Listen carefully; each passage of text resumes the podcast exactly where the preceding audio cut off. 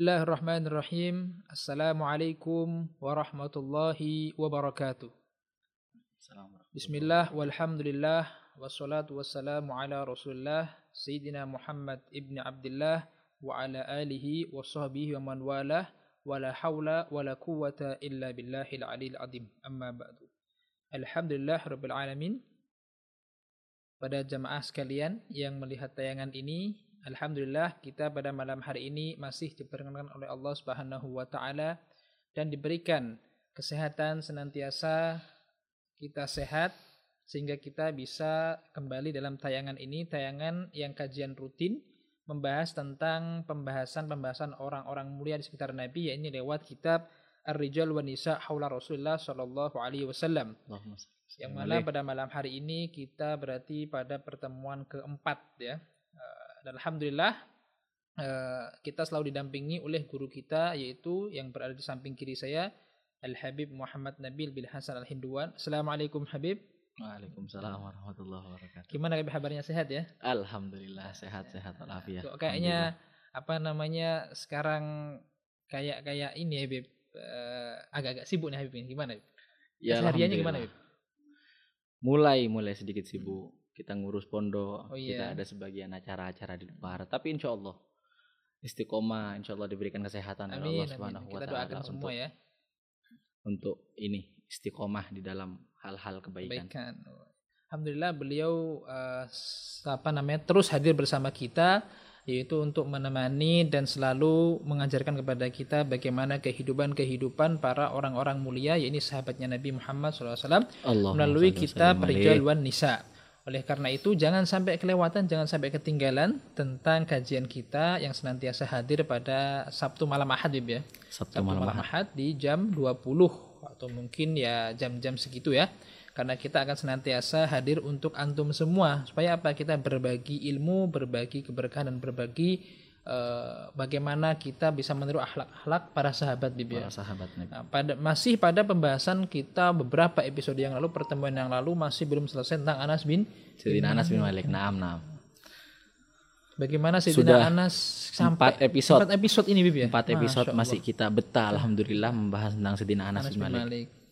Karena memang sebenarnya sa- seandainya kita harus membahas secara detail tentang Sayyidina Anas bin Hmm. Malik bukan hanya 4 episode, 40 episode, mungkin 400 episode tidak cukup. Tidak cukup ya. Karena memang beliau adalah orang yang sangat penting dan orang yang sangat dekat dengan Nabi Shallallahu alaihi wasallam. Akan tapi ya keterbatasan daripada kita, kita manusia keterbatasannya sedikit. Akhirnya yang bisa kita sampaikan adalah sesuatu yang memang ada di dalam kitab. Dan mungkin dia semampu kita yang kita ketahui ya pastinya. Nah. Dan tapi yang jelas pasti yang kita ketahui berdasarkan ada referensi Bib ya pasti ya. Kita Pasti. pakai referensi kok. pasti. Sehingga apa yang disampaikan beliau dan apa yang disampaikan dalam kajian ini bisa dicek atau bisa dilihat beberapa referensinya terutama kita menggunakan panduan kitab Bib ya. Iya. Yaitu kitab Ar-Rijal wan Nisa Haula Rasulullah SAW. Silahkan bagi yang Anda eh, pengen mengikuti kajian, pengen baca langsung kitabnya dan bagaimana penjabarannya dijabarkan dan dijelaskan oleh guru kita Al-Habib Nabil. Nah, kemarin kita bahas tentang bagaimana Sayyidina Anas bin Malik dinasihati Nabi ya. Dan Iya. beberapa nasihat apa namanya dari Nabi terutama eh, kemarin nasihat-nasihat dari Nabi seputar bagaimana Anas bin Malik ini harus apa namanya eh, mengikuti sunnah dan sebagainya gitu. Nah jarang sekali Bib zaman sekarang itu kayaknya kok orang-orang nasihati anaknya tentang hal ini Bib. Iya, sebenarnya emang kita rasakan ini efek ataupun dampak dari akhir zaman Ustaz. Emang dijelaskan maka di dalam Nabi Nabi pernah berkata khairul qurun qarni. Hmm. Sebaik-baiknya zaman adalah zamanku tsummal ladzina yalunahum semakin ke belakang semakin buruk. Semakin ke belakang semakin buruk dan sekarang sudah berapa ratus tahun bahkan seribu tahun lebih 14 zamannya Nabi berarti Alaihi ya. Wasallam. Iya. Berarti apa? Keburukan-keburukan yang semakin muncul semakin banyak dan terutama ini juga dirasakan daripada apa? Kurang baiknya pendidikan yang harus diberikan oleh seorang Orang orang, tua. tua. kepada anak. Sekarang yang diperhatikan bagaimana ketika kita memperhatikan seperti sekolah Iya. apa? Umum. Kalau di bawahnya TK itu apa Ustaz? Playgroup ya Bib. Playgroup, playgroup yang diajarkan cara nyanyi, Oh. Bal ya balonku ada lima atau "Uh, selamat ulang tahun. Nah ini kan apa? Sebenarnya ini kemerosotan zaman Hmm. kalau seandainya. Harusnya apa? Sebagaimana nasihat daripada guru-guru kita, sebagaimana beberapa waktu yang lalu disampaikan oleh Habib Gures Baharun, apa yang harus disampaikan, apa yang harus diajarkan kepada seorang anak yang baru kecil, yang baru baru lahir ataupun eh, sudah mulai-mulai mengerti adalah ajarkan pertama kali kalimat Allah. Kemudian la ilaha illallah. Kemudian dilanjutkan dengan Muhammadur Rasulullah. Setelah itu lanjutkan dengan la ilaha illallah Muhammadur Rasulullah. Apa maksudnya? Apa maksudnya? Apa yang ada di dalam makna la ilaha illallah Muhammadur Rasulullah? Kenalkan Nabi Muhammad. Kenalkan para sahabat yang benar-benar di dalam hatinya terdapat kalimat la ilaha illallah Muhammadur Rasulullah. Hmm. Kemudian apa yang ada di dalam uh, agama syariat itu semuanya mengandung la ilaha illallah Muhammadur Rasulullah dan itu yang harus kita ajarkan selaku orang tua kepada anak kita. Karena apa? Sukses atau tidaknya anak kita tergantung daripada itu. Oh iya benar-benar. Dan pendidikan bukan dimulai wah nanti aja sudah kalau seandainya sudah besar. Hmm, hmm, hmm. Nanti saja kalau sudah ngerti. Ketika memang menunggu, menunggu dan menunggu yang ada akan telat. Kapan dimulainya pendidikan seorang anak ini? Baik mulai dari ilmunya ataupun akhlaknya ataupun adabnya harus dimulai dari kecilnya. Karena seorang anak ini bagaikan sebuah tumbuhan Hmm, hmm. yang ketika diurus dari kecil cabangnya ketika ingin dibuat dia berdiri tegak maka harus diurus dari, diurus dari kecil. Kecil. Ingin dibuat bengkok ke kanan ataupun ke kiri harus diurus dari kecil. Hmm. Ketika sudah besar akar atau batangnya akan sangat kuat dan sudah tidak bisa dibe- dibengkokkan lagi, di- tidak bisa diluruskan lagi karena apa? Karena sudah kuat. Yang ada kalau dipaksakan patah. Patah. Seperti itu juga pendidikan kepada anak. Ketika kita ingin anak kita menjadi orang yang soleh, ajarkan cara-cara untuk menjadi orang soleh mulai dari kecil. Ketika anak kita, kita ingin anak kita menjadi orang yang alim, ajarkan ilmu mulai dari kecil. Ajarkan tentang gimana Nabi, ajarkan tentang sahabat Nabi. Agar apa? Dari kecil yang dikenal oleh anak-anak kita adalah mereka. Hmm. Jadi penting sekali dan bahkan wajib ya mengajarkan apalagi kita yang punya anak ataupun atau orang yang ingin punya anak terlebih lagi mengajarkan kepada mereka bagaimana dia bisa mengenal terutama Tuhannya Bib, ya. Ya, Allah Allah Allah itu harus dilatih Allah, ya dari Allah. kecil. Terus Muhammad Rasulullah la ilaha illallah dan itu yang nanti akan mempengaruhi proses hidup dia sampai dia gede berarti ya. iya. Sam- bukan hanya sampai gede, tapi sampai mati. Sampai mati. karena eh, karakter itu harus di- di- dibentuk dari kecil. Ketika di- dari kecil sudah akhlaknya bagus, ke belakang sampai dia tumbuh besar, sampai dewasa, sampai dia mati, dia akan memiliki akhlak yang bagus. Begitu juga ketika sudah buruk dari awal, sudah tidak bisa dipertahankan, tidak bisa di- di- diperbaiki lagi. Karena apa? Karena yang namanya waktu sudah lewat, Oh, iya. sudah terlambat. Dan hanya penyesalan di akhir pasti ya. Iya. karena tidak dari awal mendidik anak gitu. Iya, sebenarnya aneh Ustadz. Hmm. Di zaman sekarang banyak orang tua yang eh, ketika eh, ketika tua tidak diurus oleh anaknya. Hmm. Bahkan kita pernah membaca satu berita eh, seorang nenek-nenek dibuang oleh anak-anaknya. Mm-mm. Dititipkan ke panti asuhan karena apa? Karena dari banyaknya anak-anaknya tidak ada yang mau mengurus. Masya Allah. Sebenarnya-. Ini adalah fakta yang miris. Tapi kita juga harus menganggap bahwa ada satu kesalahan daripada pendidikan anaknya, eh daripada pendidikan ibu ke anaknya. Berarti ada peran orang tua yang salah. Bu? Ada peran orang tua yang salah. Karena apa? Ketika seorang orang tua mendidik anaknya, dia membuat seorang anak faham bagaimana pentingnya kita eh, berbakti kepada orang tua, bagaimana kita harus nurut kepada orang tua, bagaimana orang tua adalah ridhonya bagaikan ridhonya Allah Subhanahu wa taala. Begitu pentingnya peran orang tua di diri kita sampai kapan pun. Jangankan dia eh, dalam keadaan eh, sakit-sakitan ataupun apa. Bahkan dalam keadaan sehat kita akan memperhatikan dengan serius. Karena apa? Karena kita sudah dididik dari kecil penting orang tua. Berbakti kepada orang tua itu adalah satu kewajiban yang mutlak. Hmm. Ketika anak tidak mengerti terhadap hal tersebut, akhirnya itu nyusahin sedikit, sakit-sakitan, udah tinggal. Buang. Dititipkan ke panti asuhan. Ada yang em, kita pernah baca di satu berita, orang tua diajak belanja oleh anaknya. Anaknya. Ketika sudah sampai di swalayan ataupun eh, tempat belanja, Hmm. apa? Anaknya bilang tunggu sebentar, saya mau ke toilet. Ternyata Hmm. apa? Anaknya kabur. Ditinggal situ, Bib. Ditinggal di swalayan, ditinggal di toko toko tempat dia belanja. La haula. Karena apa? Karena dia sudah enggan untuk mengurus orang tuanya yang nyusahin, yang sakit-sakitan, yang tua, yang harus diurus, tidak ada seakan-akan tidak ada manfaatnya lagi. Karena apa? Karena memang sudah dari kecil dia menganggap tidak ada pentingnya kita berbakti kepada orang tua. Nggak ada eh, pahala yang besar ketika kita eh, berbakti kepada orang tua. Itu ketika tidak diajarkan dari awal akan bisa menghasilkan nasib yang miris seperti itu. Saya pernah dengar ya kata salah satu sahabat, tapi saya lupa ya. Katanya begini, satu orang tua bisa mengurus 10 anak, tapi 10 anak nggak bisa ngurus satu orang tua. Iya, Itu apa Iya. benar itu ya? Sangat-sangat benar. Bahkan mirisnya apa? Ketika hari ibu, semua anak datang dari lima ataupun sepuluh semuanya sibuk selfie. Wah, you you are my everything dan segala macam bahasanya. Heeh. Tapi hanya di hari itu hari ibu. Bukan hanya di hari itu, hanya untuk selfie ataupun posting di Instagram dan segala macam. Menunjukkan kalau dia perhatian sama Ah, ibunya. seakan-akan di ayo ibu selfie senyum senyum yang bagus biar kita tampakkan kepada orang kalau seandainya kita keluarga yang bahagia. Mm-mm. Setelah foto ditinggal ibunya. Ya Allah. Setelah foto tidak peduli lagi kepada kabar ibunya. Setelah foto dia, dia tidak sudah tidak memikirkan lagi bagaimana perasaan ibunya, butuh apa ibunya, butuh kasih sayang, butuh bantuan, butuh biaya dan segala macam. Sudah anaknya yang satu sibuk dengan pekerjaannya, anaknya yang satu sibuk dengan istrinya, dan itu sangat miris. Kenapa? Hmm. Karena salahnya pendidikan dari awal. Tapi kalau kita lihat ya, Ummu Sulaim ini kan seseorang yang bahkan kalau kita lihat ukuran ibu itu anak umur 10 tahun kan lagi mungkin disayang orang tua. Iya, Dilepas begitu aja sampai 10 tahun. Kok dia kuat gitu. Kita lihat sekarang orang mau ngelepas anaknya aja kok ya Allah rasanya gitu kayaknya. Iya. ya.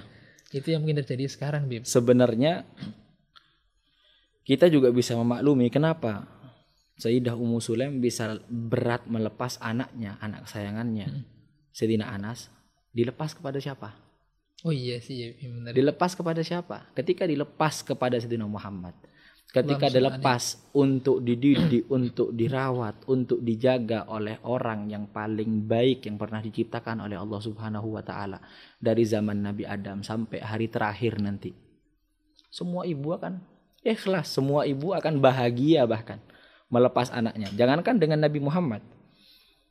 Kita perhatikan banyak daripada orang tua-orang tua sekarang, dia lepas, dia rela melepas anaknya umur 10 tahun, 11 tahun, 12 tahun untuk apa? Untuk dimasukkan ke pesantren. Karena apa? Bukan bentuk daripada benci atau bukan bentuk daripada dia tega, Mm-mm. tapi memang harus karena dia cinta, karena dia sayang, karena dia ingin anaknya memiliki masa depan yang cerah, menjadi orang yang terdidik, menjadi orang yang memiliki ilmu, tahu tentang hukum, memiliki akhlak yang baik, menjadi seseorang yang beradab. Itu bukan gratis, Ustaz. Bukan gratis, harus diperjuangkan dan salah satu perjuangannya adalah teganya seorang ibu untuk Melepas, melepas anaknya. Padahal kalau dipikir anak segitu tuh butuh perhatian penuh dari orang tua Iya, gitu ya, harusnya. Tapi ketika seorang ini rela, maka Sayyidil Habib Quraisy mengatakan kalau orang tua rela melepas anaknya, biarkan sudah menangis daripada menangis di akhirat. Iya. gitu. Jangankan sampai di akhirat, lebih baik menangis ketika anaknya masuk ke dalam pesantren umur 10 tahun atau 12 tahun. Dia menangis karena melihat sedihnya anaknya tidak betah di pondok daripada nanti ketika umur 40 tahun melihat anaknya sudah dewasa tapi anaknya tidak memiliki akhlak, tidak memiliki adab, kurang ajar kepada orang tua, membentak kepada orang tua.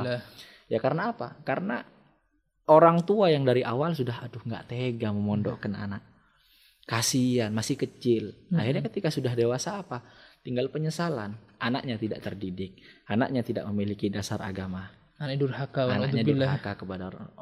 Naudzu- naudzubillah. Bagaimana kita bisa belajar di sini ya uh, Ummu Sulaim yang memiliki anak-anak milik umur segitu tega melepas. Bahkan ini yang jadi poin pertama bahwasanya kalau kita sudah melepas sebagai orang tua ke anak di pesantren sudah pasrahkan berarti ya sama gurunya pasrahkan. Pasrahkan 100%. Insya Allah karena ketika kita seandainya kita membahas tentang pesantren asidku karena kita hidup di asidku kita percaya dengan pesantren asidku kita titipkan anak kita karena kita percaya dengan Habib Gures kita percaya dengan asatidah yang ada di pondok pesantren asidku maka kita pasrahkan anak kita kalau seandainya kita tidak percaya, tidak mungkin kita daftarkan anak kita ke sini.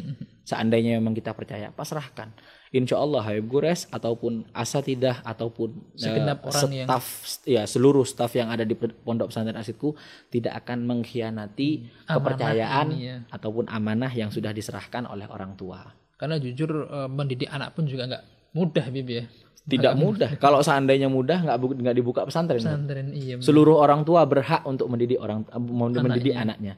Akan tapi kenapa ada pesantren? Karena untuk membantu beberapa orang tua yang mungkin susah, yang mungkin memiliki cita-cita anak saya harus menjadi orang yang lebih baik daripada saya. Makanya saya titipkan kepada orang-orang yang jauh lebih baik dibandingkan saya dari segi keilmuan, dari segi eh, akhlak ataupun adab, dari segi kebaikan-kebaikan yang sudah kelihatan secara zahir. Hmm, Berarti di sini eh, gambaran orang tua yang melepas anaknya ke pesantren seakan-akan dia secara nggak langsung sudah melakukan apa yang dilakukan Ummu Sulaim Bib ya.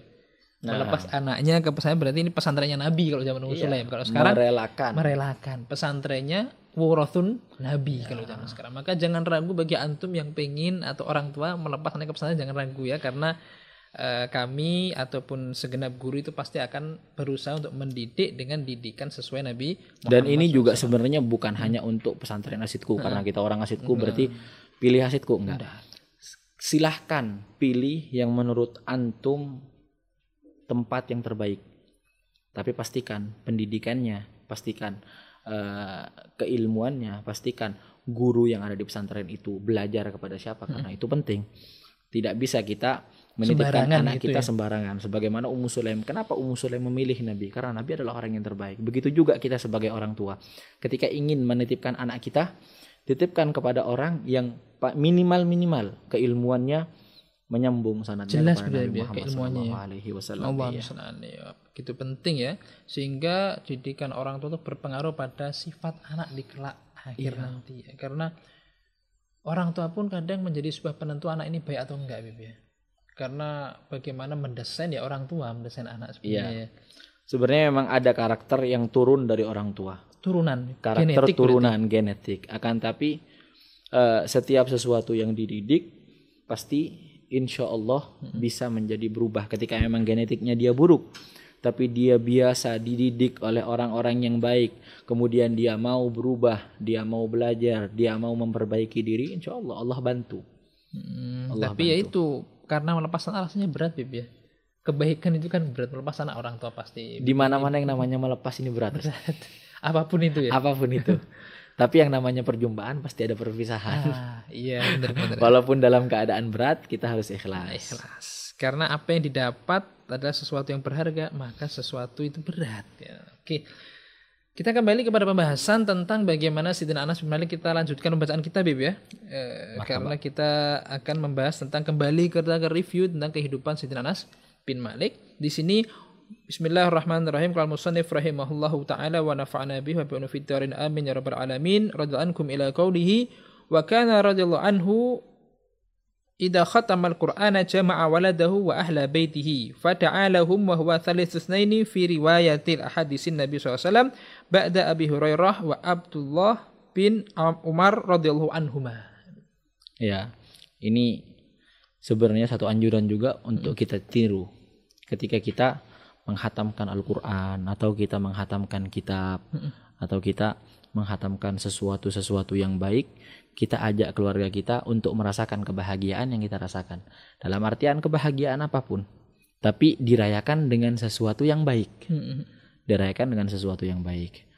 Contohnya eh, dengan sodako. Panggil keluarga kita, kita bikin masakan-masakan yang baik, eh, masakan-masakan yang enak yang disukai oleh keluarga, berikan kepada keluarga-keluarga kita. Tapi jangan berlebihan. Kalau seandainya berlebihan, setiap sesuatu yang berlebihan itu juga tidak baik. Ini juga mungkin eh, ada sebagian orang-orang yang kurang cocok dengan seperti ulang tahun Ustaz.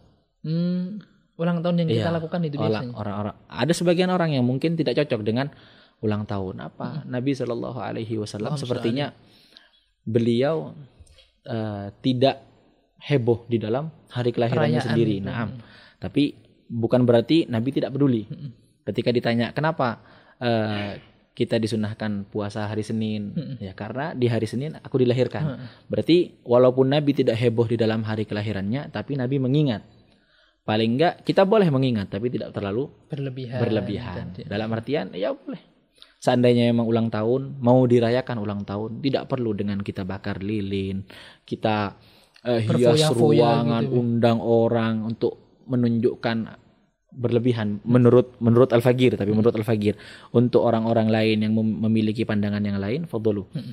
Nah, tapi menurut Al-Fagir karena kita perhatikan Al-Habib Umar bin Hafid ketika ulang tahun tidak ada berlebihan seperti itu.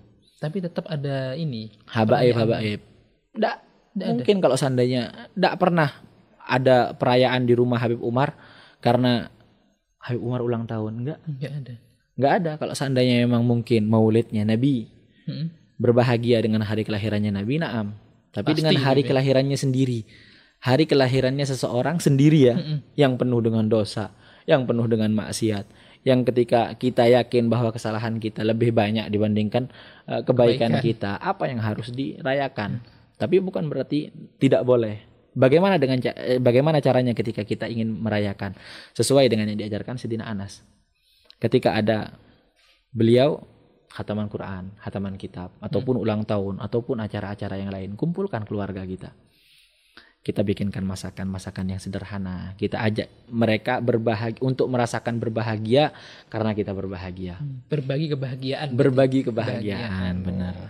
berarti sebenarnya ulang tahun bukan nggak boleh. Boleh boleh saja gitu ya tapi Silakan. jangan berlebihan. Yang penting jangan berlebihan. Karena setiap sesuatu yang berlebihan pasti tidak baik. Baik. Apa pun itu ya. Apa pun. Kecuali berlebihan di dalam mendekatkan diri kepada Allah. Silahkan. Perbaiki. ibadahnya berlebihan berarti ibadah berlebihan selagi dia bisa istiqomah di dalam ibadah tersebut fadal. Hmm, berarti tapi kalau- seandainya dia beribadah berlebihan kemudian besok dia tinggalkan karena dia capek beribadah berlebihan itu mending jangan berlebihan itu juga tidak baik oh karena istiqomah walaupun dua rakaat salat duha itu lebih baik daripada kita seribu rakaat seandainya kita sholat duha seribu rakaat tapi besoknya nggak mau sholat duha lagi karena apa? Oh kemarin sudah Capek ya. capek. Nggak bisa istiqomah, mending kita dua rakaat itu lebih baik. sedikit tapi terus menerus lebih baik ya Iya berkesinambungan. berkesinambungan konsisten kalau bahasa Arab. Iya. konsistensi ya Begitu juga katanya beliau adalah orang ketiga Mm-mm. dari sahabat yang paling banyak meriwayatkan hadis Nabi Shallallahu Alaihi Wasallam setelah Abu Hurairah dan Abdullah bin Umar. Masya Allah jazahullah jazahumullah amin amin amin eh, Sayyidina Anas bin Malik dan Abu Hurairah dan Abdullah bin Umar yang telah membantu kita untuk mengenalkan Nabi Muhammad, membantu kita mengenalkan hadis-hadisnya Nabi Muhammad. Yang dengan apa yang disebarkan oleh mereka, kita lebih mengenal beliau, kita lebih tahu terhadap hukum-hukum yang beliau berikan. Tanpa mereka, kita nggak tahu apa-apa kita nggak tahu apa-apa. Kita nggak tahu Nabi seperti apa. Kita tidak tahu hukum yang diberikan Nabi. Kita tidak tahu sunnah-sunnahnya Nabi. Semua dari beliau. Semua dari mereka. Maka sudah seharusnya Allah memberikan balasan yang ber- melipat berlipat ganda kepada mereka. Karena setiap apa yang kita lakukan daripada kebaikan-kebaikan pahalanya juga kembali kepada mereka yang mengajarkan kepada kita. berarti kita seakan-akan lagi jadi santrinya para sahabat nih Be. Nah, sekarang nyantri sama para sahabat meskipun perannya mereka secara fisik nggak ada tapi pelajaran yang mereka berikan masih sampai sekarang iya. dan ini yang disebut sebagai amal jariah. Amal jariah. Iya. Amal jariah bagaimana kita bisa mempelajari sisi terbaik Nabi lewat para sahabat. Nah, di sini disebutkan kalau eh, khatam Quran, Beb. Sekarang ini orang-orang kayaknya kok apa namanya? Mungkin ya apa namanya Quran itu dianggap sebagai sesuatu yang ah apa ya, gak mulai jauh gitu. ya. Gimana sih kita kok baru mungkin pengalaman Habib sendiri ya sama Mulai Umar jauh. gitu. Iya. Nah, bagaimana beliau ngajinya sama Quran bisa ceritakan Beb Umar sama Quran bagaimana Kalau seandainya membahas tentang bagaimana kehidupan beliau, hubungannya beliau dengan Al-Qur'an, waduh. Yang kita perhatikan memang beliau 24 jam selalu baca Quran Bukan membaca Quran dalam artian membaca Quran. Tapi beliau tidak pernah menghabiskan waktunya, membuang waktunya terkecuali untuk sesuatu yang bermanfaat. Mulai dari ketika ada waktu kosong, bahkan di dalam kendaraan. Ketika beliau di dalam kendaraan, seandainya ada ada ziarah ke Zambal dari Darul Mustafa. Ini beliau tidak di perjalanan kemudian duduk di Mobil. kendaraan atau di mobil mendengarkan kosidah atau mendengarkan lagu. Mungkin kalau seandainya mendengarkan kosidah baik karena kalam-kalam salaf. Tapi beliau merasa ada yang lebih baik lagi untuk mereka untuk beliau lakukan. Apa? Membaca Al-Qur'an. Hmm. Beliau membaca Al-Qur'an. Bukan hanya beliau sendiri, beliau aja orang-orang yang ada di dalam kendaraan. Wah, masya Allah, supirnya beliau adalah orang yang hafal Al-Qur'an. Masya Allah. Murofiknya beliau adalah orang yang hafal Al-Quran. Jadi apa? Ketika Habib Umar membaca Al-Quran satu halaman, kemudian dilanjutkan oleh supirnya. Oh, tadarus berarti. Tadarus. Kemudian dilanjutkan oleh yang di eh, belakangnya, murofiknya. Kalau seandainya salah satu murofiknya yang ikut tidak hafal Al-Quran, megang Al-Quran baca. Baca memegang Al-Quran, kemudian sampai ke gilirannya Habib Umar lagi, beliau baca satu lembar lagi, kemudian dilanjutkan lagi sampai nyampe ke tempat, baru kemudian beliau turun. Masya Allah. Ketika makan siang, beliau undang orang-orang. Apa yang beliau kerjakan? Ketika orang-orang datang, Habib Umar duduk di dalam tempat duduknya, tempat duduk khusus untuk Habib Umar. Mm. Kemudian apa langsung perintahnya beliau? Ikra. Ada salah satu yang membaca kitab. Hmm. Baca kitab, setelah selesai beliau kadang eh, menambahkan penjelasan-penjelasan yang beliau berikan kepada mereka yang membaca kitab. Kemudian dilanjutkan kepada orang yang di sampingnya, dilanjutkan kepada orang yang di sampingnya. Datang waktunya makan, oke kita makan dulu. Kita makan dulu. Kemudian setelah waktunya makan dibagikan teh. Hmm. Bukan beliau meminum teh kemudian dengan dalam keadaan fadi tidak ada, enggak. Baca lagi, Baca lagi. lanjutkan lagi. Sambil Yang minum teh. sambil minum teh, Masya Allah. mendengar kalam-kalam salaf, mendengar seakan-akan apa? Tidak mau menghabiskan waktu walaupun sedikit sia-sia. Terkecuali ada manfaat di situ. Iya. Benar kata Nabi min, hus, eh, min, min husni Islamil mar'i tarkuhu ma la ya'ni.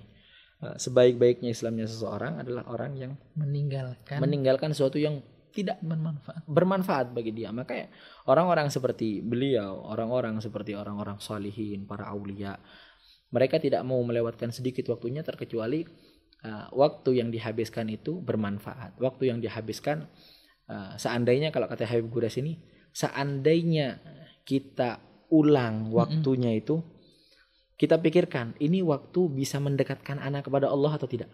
Berarti orientasi tujuannya itu Allah. Iya. ini. Kalau seandainya waktu ini tidak bisa mendekatkan diri kepada ah, mendekatkan diri anak kepada Allah, berarti waktu ini terbuang sia-sia. Hmm. Kalau seandainya waktu yang anak lalui ini bisa mendekatkan diri anak kepada Allah, berarti anak memanfaatkan waktu itu dengan baik. Hmm. Jadi orang-orang yang seperti beliau-beliau ini adalah orang-orang yang benar-benar mengaplikasikan hadis Nabi di dalam amaliyah sehari-harinya. Hmm. nggak mau menghabiskan waktu sia-sia digunakan dengan sebaik mungkin jangankan Al-Quran apalagi kalau seandainya bahas tentang uh, di bulan Ramadan waduh Masya full Allah mungkin, full. full. bahkan beliau sampai uh, mungkin bisa dikatakan tidak mau tidur Nggak sampai mungkin. kita perhatikan itu saking capeknya mungkin Hmm. karena dihabiskan paling banyak tapi di dalam di dalam bulan Ramadan itu untuk membaca Al-Quran. Paling banyak yang baca Quran. Iya. Bagaimana di dalam taraweh saja satu malam bisa sampai dua juz Oh, terawih pakai Al-Quran berarti. Al-Quran. Hmm. Al-Qurannya dua juz. Itu untuk di Darul Mustafa atau satu juz setengah. Hmm. Kemudian setelah selesai bukan berarti selesai taraweh sudah enggak. Hmm. Beliau pindah ke masjid yang lain. Oh. Ba'alawi. Seandainya Ba'alawi masih sholat, beliau sholat di Ba'alawi. Mengikuti ini. Kemudian setelah ini, beliau lihat masjid, eh, mungkin masjid Muhdor masih ada ketika ini, ikut lagi. Hmm. Nanti balik ke rumah mungkin sekitar jam 2. Jam 2 malam. Mulai dari jam setengah 9 beliau masuk musola, sampai jam 2 malam baru balik ke rumah. Ngapain? Duduk seperti kegiatan tadi. Untuk sahur dengan orang-orang yang ada di rumah. Apa kegiatannya? Baca kitab. Masya Allah. baca kitab sampai subuh habis subuh kajian kitab lagi sampai isyrok isyrok bukan pulang ke rumah Hmm. Beliau memiliki tempat khusus Darul Mustafa untuk membaca Al-Qur'an di situ. Hmm, Memang Mungkin beliau- berarti. Mungkin beliau tidurnya satu jam mungkin dalam Istirahatnya 24 sejam. jam. Istirahatnya sejam. Kadang ketika pernah Al-Fagir tanya kepada eh, Al-Fagir punya abang sepupu Hmm. Habib Mahdi Al-Maghrabi. Masya Allah Habib Mahdi ini sekitar 8 tahun beliau mendampingi Habib Umar. Ini hikmah juga. Iya. Ketika ditanya kapan waktunya Habib Umar tidur, diperhatikan sama beliau. Beliau bingung. Hmm. Kayaknya ada, ada waktu tidurnya. Seakan-akan waktu tidurnya Habib itu kapan? Ya ketika tertidur nggak sengaja waktu mungkin ada kajian apa beliau Oh, tertidur. gitu itu ya. waktu tidurnya.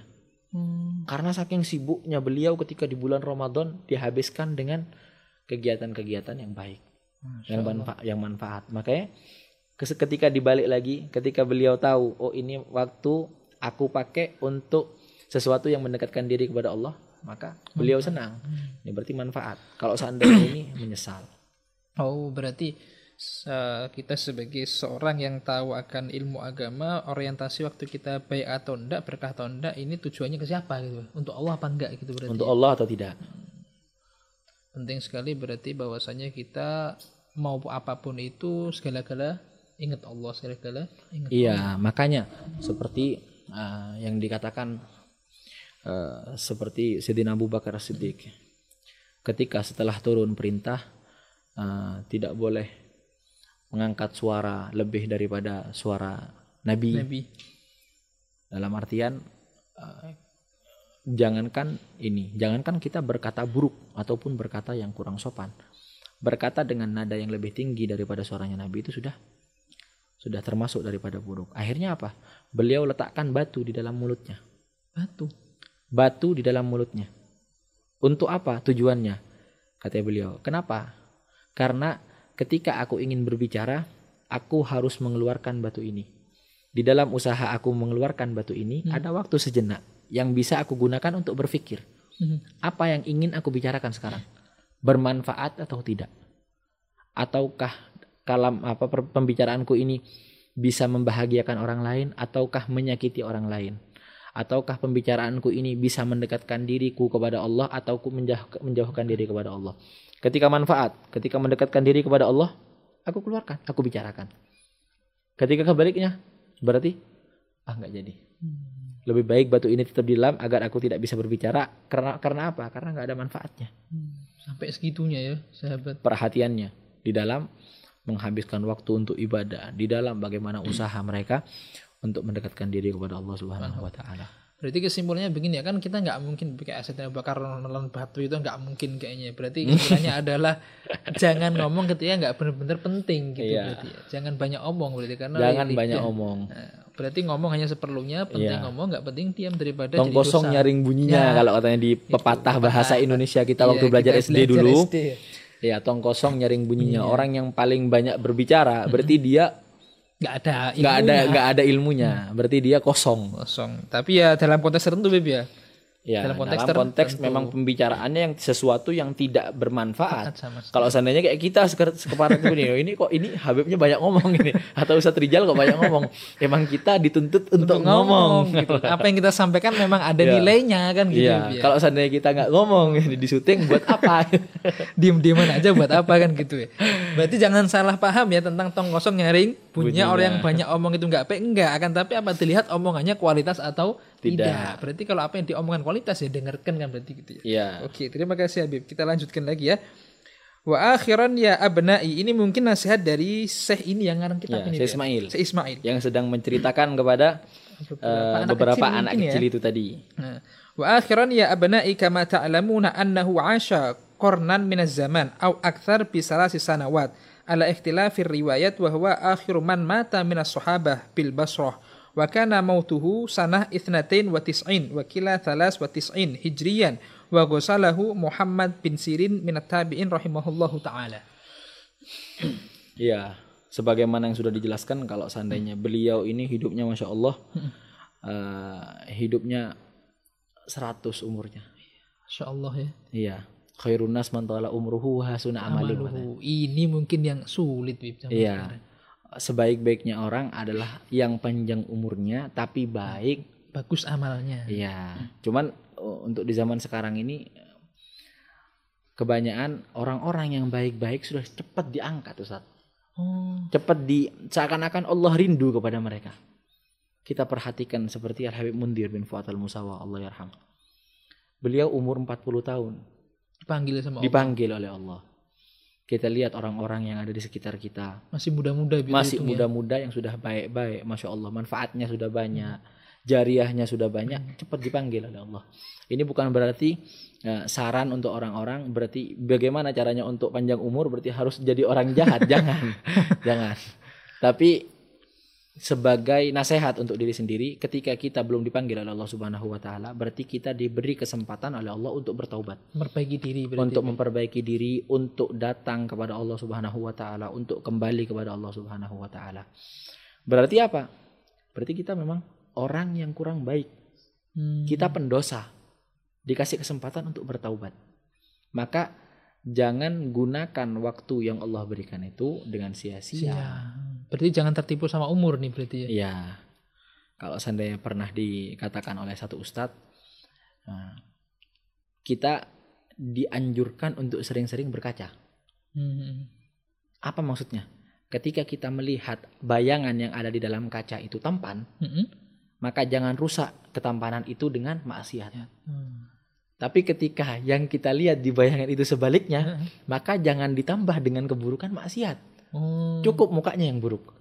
Amalnya jangan. Jangan, jangan ditambah keburukannya Hmm. lagi dengan keburukan maksiat. Maksiat. Maka seandainya memang orang yang sudah diberi kesempatan oleh Allah Subhanahu wa taala untuk bertaubat, Hmm. untuk mendekatkan diri untuk beribadah, gunakan dengan baik. Agar apa? Agar eh, datangnya diberikan waktu panjang umur dan segala macam itu tidak menjadi sesuatu hal yang kita sesali nanti ketika Bertemu Sudah Allah Subhanahu bertemu wa Allah. Subhanahu wa taala yakni ketika setelah kita meninggal. Meninggal. Karena ya bekal kita berarti kita dikasih hidup panjang itu supaya kita berintrospeksi diri, memperbaiki diri. Berarti ini Allah masih ngasih kesempatan kita untuk mendekatkan diri kepada Allah, gitu ya. bukan Iya. untuk malah menghabiskan waktu yang tidak berguna tadi. Ya, termasuk kita mempelajari hal-hal ini, termasuk eh, bagaimana kita bisa dan kita berharap eh, kami segenap kru dan sebagainya, siapa pun yang menonton tayangan ini bisa lebih baik lagi, terutama Amin. dalam hal amaliyah ataupun Ya. pekerjaan karena kita membaca beberapa sirah ataupun perjalanan hidup para sahabat yang begitu agung Hmm, ya. dan kita selalu berdoa dan meminta kepada Allah semoga kita diberikan kekuatan untuk Amin, memperbaiki diri, untuk menggunakan umur yang diberikan oleh Allah Subhanahu wa taala eh, dengan sebaik mungkin. Eh, ini Bib, ketika Anas bin Malik lama dengan Nabi ada nggak sih itu apa namanya harapan Anas bin Malik kepada Nabi gitu kira-kira? Ataupun kita mungkin kita bayangkan jadi Anas nih Bib ya? Hmm. bayangkan jadi Anas yang lama dengan Nabi. Eh, betapa senangnya kita dengan Nabi dari awal bangun tidur sampai tidur lagi pasti ketemu Iya. ketemu Nabi. Bagaimana? Nggak kebayang tuh kalau kita apa namanya sampai jadi Anas bin Malik terus ditinggal Nabi seperti itu. Pastinya Pasti mungkin eh, yang diharapkan oleh Sayyidina Anas bin Malik sebagaimana Allah kumpulkan mereka di dunia, Mm-mm. Allah juga kumpulkan mereka di di surganya Allah Subhanahu wa taala nanti. Dan itu bukan hanya harapan daripada Sayyidina Anas bin Malik, Mm. tapi harapan kita kita semua, semua ya untuk uh, berkumpul dengan Nabi Muhammad. Betapa beruntungnya orang yang berkumpul dengan Nabi Muhammad. Ketika kita membayangkan uh, orang daripada orang salihin, daripada uh, ulama ataupun orang-orang alim, orang-orang wali yang ada di sekitar kita, kemudian beliau bercerita bermimpi Nabi, bertemu dengan Nabi, ada bahkan yang uh, saking luar biasanya bisa bertemu dengan Nabi secara yaqadah, ya Allah. Betapa beruntungnya mereka. Dan kita mendambakan itu pasti. Dan pastinya itu yang memang kita cita-citakan dan itu yang kita dambakan. Seandainya memang Allah memberikan ya, satu permintaan yang akan beliau kabulkan tidak ada yang kita inginkan terkecuali bisa berkumpul dengan Nabi Muhammad Shallallahu Alaihi Wasallam. berarti impiannya Sayyidina Anas adalah bisa bersama Nabi di dunia dan di akhirat. Di akhirat. Berarti itu keinginan terbesar Sayyidina Anas bin Malik ya, yang terpendam mungkin ya uh, dari semenjak beliau hadir bersama Nabi dari bangun tidur sampai tidur lagi bagaimana beliau selalu kangen dan merindukan sosok Nabi Muhammad Shallallahu Alaihi Wasallam. Oke, kita lanjutkan lagi Habib ya. Hmm. Wa rahimahullahu Anas bin Malik khadimu Rasulullah SAW au Unais. Kemarin panggilan manjanya Nah, Unais. Unes. Waduh. Kama kana yunatihi SAW wa mata wa huwa annahu radin wa kana mimman qala Allahu anhum wasabiqun al-awwanuna minal muhajirin wal ansor ila akhiril ayah Habib. Iya. Semoga Allah merahmati Sayyidina Anas bin Malik. Khadimnya Nabi Muhammad Sallallahu Alaihi Wasallam yang biasa dipanggil dengan Unes, panggilan manjanya Nabi kepada Sayyidina Anas Anas. bin Malik. Berarti ini saking Nabi sudah menyatu dengan Anas, begitupun Anas sudah menyatu dengan Nabi Sallallahu Alaihi Wasallam. dan in- beliau adalah orang yang ridho kepada Allah Subhanahu Wa Taala dan orang yang diridhoi oleh Allah Subhanahu Wa Taala sebagaimana wasabiqunal awwalun minal muhajirin wal ansor. ini adalah yang dimaksud daripada beberapa sahabat termasuk di dalamnya adalah Sayyidina Anas bin Malik. Berarti mereka termasuk orang yang sudah mendapatkan ridhonya Allah Habib. ya Allah. Kalau nggak mampu ridho udah. ini ya Allah. Ridhonya Allah Subhanahu Wa Taala ini adalah Puncak ya. puncak kenikmatan. Nggak bisa dibayangkan nggak bisa dikeluarkan dengan kata-kata lagi. Kalau sudah mendapatkan ridho Allah selaku Tuhan kita yang menciptakan kita dan kemudian dengan apa yang kita kerjakan mungkin eh, dengan podcast ini kita berbagi kebaikan kita berbagi sahabat-sahabat cerita tentang sahabat-sahabat Nabi yang mana mereka diridhoi oleh Allah Subhanahu wa taala bisa mendatangkan ridhonya Allah Subhanahu wa taala kepada kita juga. Amin. Amin. Sehingga kita dapat ungkapan ya sebenarnya kalau nyari ridhonya Allah itu akan tercapai Habib ya. Tapi kalau ridhonya manusia nggak bakal tercapai. Iya. Ridhonya Allah ini juga luas, akan tapi kita tidak bisa tinggalkan. Karena puncak memang, puncak yang harus kita cari dan kita kejar ridhonya Allah Subhanahu wa taala. Apa tujuannya Allah nyiptakan kita di sini? Untuk beribadah. Untuk beribadah agar apa? Agar Allah ridho kepada kita di dalam setiap ibadahnya, di dalam setiap sholatnya kita, di dalam setiap uh, puasa kita, di dalam setiap uh, usaha-usaha yang setiap hari kita kerjakan tujuannya bukan hanya uh, untuk olahraga kalau di dalam sholat kan walaupun ada keuntungan di dalam sholat Secara kita medis ada olah- manfaatnya iya, berarti ya. setelah diteliti oleh beberapa dokter memang ada manfaatnya. Tapi tujuan ataupun puncak daripada kita sholat daripada kita ibadah daripada kita menjauhi apa yang diharamkan oleh Allah Subhanahu Wa Taala adalah untuk mencapai untuk mendapat ridho Allah Subhanahu Wa Taala. Dan itu adalah memang tujuan hidup manusia hidup di dunia adalah untuk mencari ridhonya Allah Iya. Subhanahu wa taala. Termasuk kita yang di sini melakukan syaratnya adalah tidak mengharap apa pun sebenarnya masyaallah hadirin kita hanya mengharap ridhonya Allah dan ridhonya Nabi Muhammad, SAW semoga kita mendapatkan ridhonya Allah dan ridhonya Rasulullah. Dan mungkin untuk malam ini cukup sekian Habib. Apa Iya.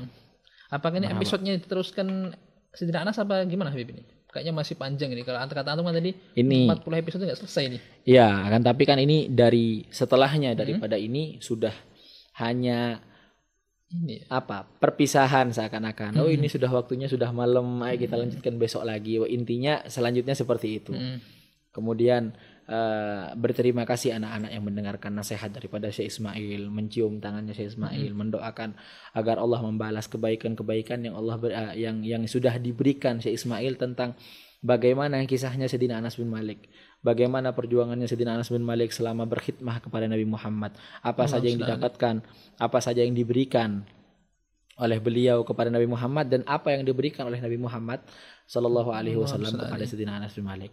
Dan itu uh, adalah sesuatu yang sangat berharga dan itu adalah sesuatu yang sangat membuat mereka bahagia dan harusnya seperti ini Ustaz. Hmm.